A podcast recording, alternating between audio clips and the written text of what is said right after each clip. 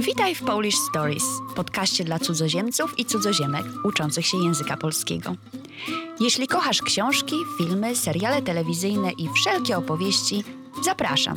To miejsce jest właśnie dla Ciebie. Odcinek trzeci. Joanna Chmielewska. Cześć, jestem Gosia i w pierwszym sezonie Polish Stories opowiadam o znanych i lubianych pisarkach i pisarzach z XX i XXI wieku. W poprzednim odcinku opowiadałam o bardzo obecnie popularnych twórcach powieści kryminalnych Remigiuszu Mrozie i Katarzynie Bondzie. A dzisiaj chciałabym Ci opowiedzieć o innej autorce kryminałów, którą śmiało można już nazwać klasykiem. To Joanna Chmielewska, autorka 72 powieści dla dorosłych i młodzieży, w tym 7 tomów autobiografii. Chmielewska zmarła w 2013 roku w wieku 81 lat. Pisała do końca życia. Jej ostatnią powieść pod tytułem Zbrodnia w efekcie wydano w roku jej śmierci. Joannę Chmielewską uwielbiam od lat. Jako nastolatka czytałam jej książki nałogowo i były to jedyne kryminały, do których wracałam wielokrotnie. Zazwyczaj z powieściami kryminalnymi jest tak, że gdy wiemy już, kto zabił, nie czujemy potrzeby czytania tej samej książki od nowa.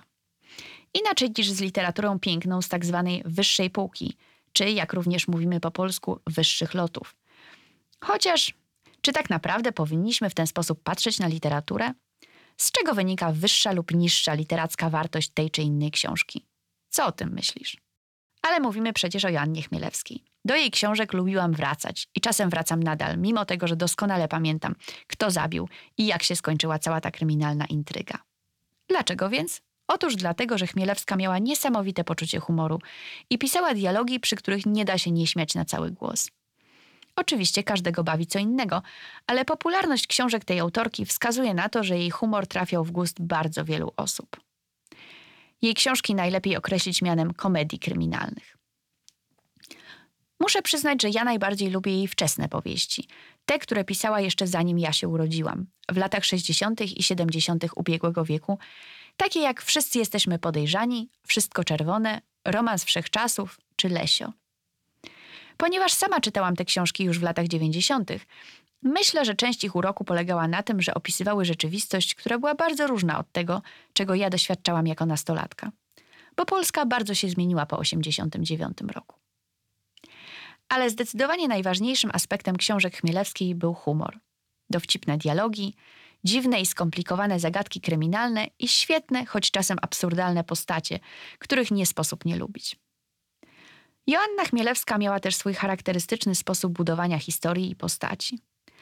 Podczas gdy większość autorów kryminałów tworzy fabułę wokół postaci detektywa, policjantki, profilera itd., tak Główną postacią, czyli protagonistką powieści Chmielewskiej, była zwykła kobieta o imieniu Joanna, której ciągle przydarzały się jakieś niezwykłe historie. A to przypadkiem natrafiła na zwłoki. A to ktoś został zamordowany w jej miejscu pracy. A to się okazywało, że jej ciotka na wakacjach niechcący zrobiła zdjęcie przestępcy, który teraz jeździ po Polsce za całą jej rodziną.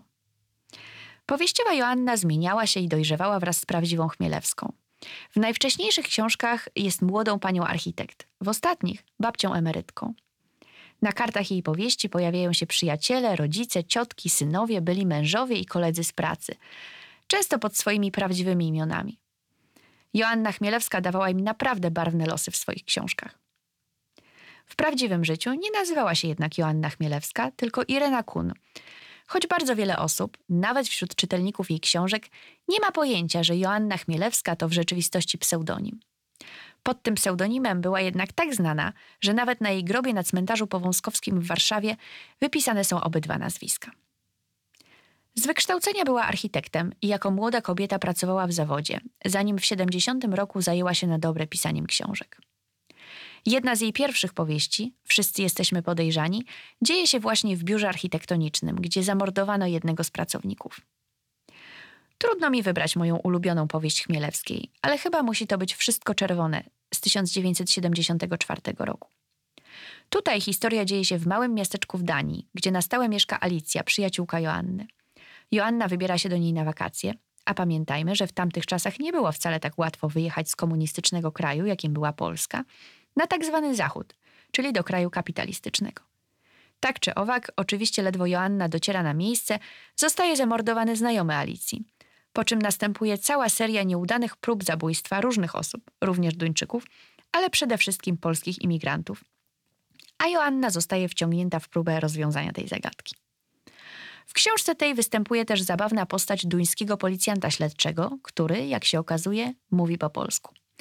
Ale że uczył się języka polskiego z Biblii, sposób w jaki mówi jest delikatnie mówiąc bardzo staroświecki i mało zrozumiały, co jeszcze dodaje humoru całej sytuacji. Wszystko czerwone można też przeczytać po rosyjsku i bułgarsku. Książki Chmielewskiej były tłumaczone na inne języki, podobno aż na dziewięć obcych języków, z tego co udało mi się znaleźć, ale są to wszystko języki z naszej części świata, czyli z Europy Wschodniej. Joanna Chmielewska cieszyła się szczególną popularnością w Rosji, a wcześniej w Związku Radzieckim, gdzie przez pewien czas była najczęściej czytaną pisarką zagraniczną. Więc bardzo wiele jej książek można przeczytać po rosyjsku. Na angielski niestety jej powieści nie były tłumaczone. Jeżeli lubisz śmiesznie opowiadane historie i dowcipne dialogi, bardzo polecam książki Joanny Chmielewskiej. Szczerze mówiąc, żałuję, że akurat nie mam żadnej książki pod ręką, bo od tego opowiadania o niej aż mi się zachciało znów coś sobie przeczytać. I to już wszystko na dzisiaj. W następnym odcinku porzucimy już historie kryminalne i przeniesiemy się w inne światy, a dokładnie mówiąc w rejony science fiction i fantasy. Opowiem Ci o dwóch pisarzach, których nazwiska być może znasz, bo w przeciwieństwie do Joanny Chmielewskiej są tłumaczeni na bardzo wiele języków świata. Dziękuję, że tu ze mną jesteś i mam nadzieję, że zostaniesz na dłużej. Przed nami jeszcze 7 odcinków pierwszego sezonu tego podcastu, więc zasubskrybuj Polish Stories w swojej ulubionej aplikacji podcastowej. Do usłyszenia. Autorką podcastu Polish Stories jestem ja, Gosia Rokicka. Za produkcję i realizację odpowiada podcastownia ciekawości w Warszawie.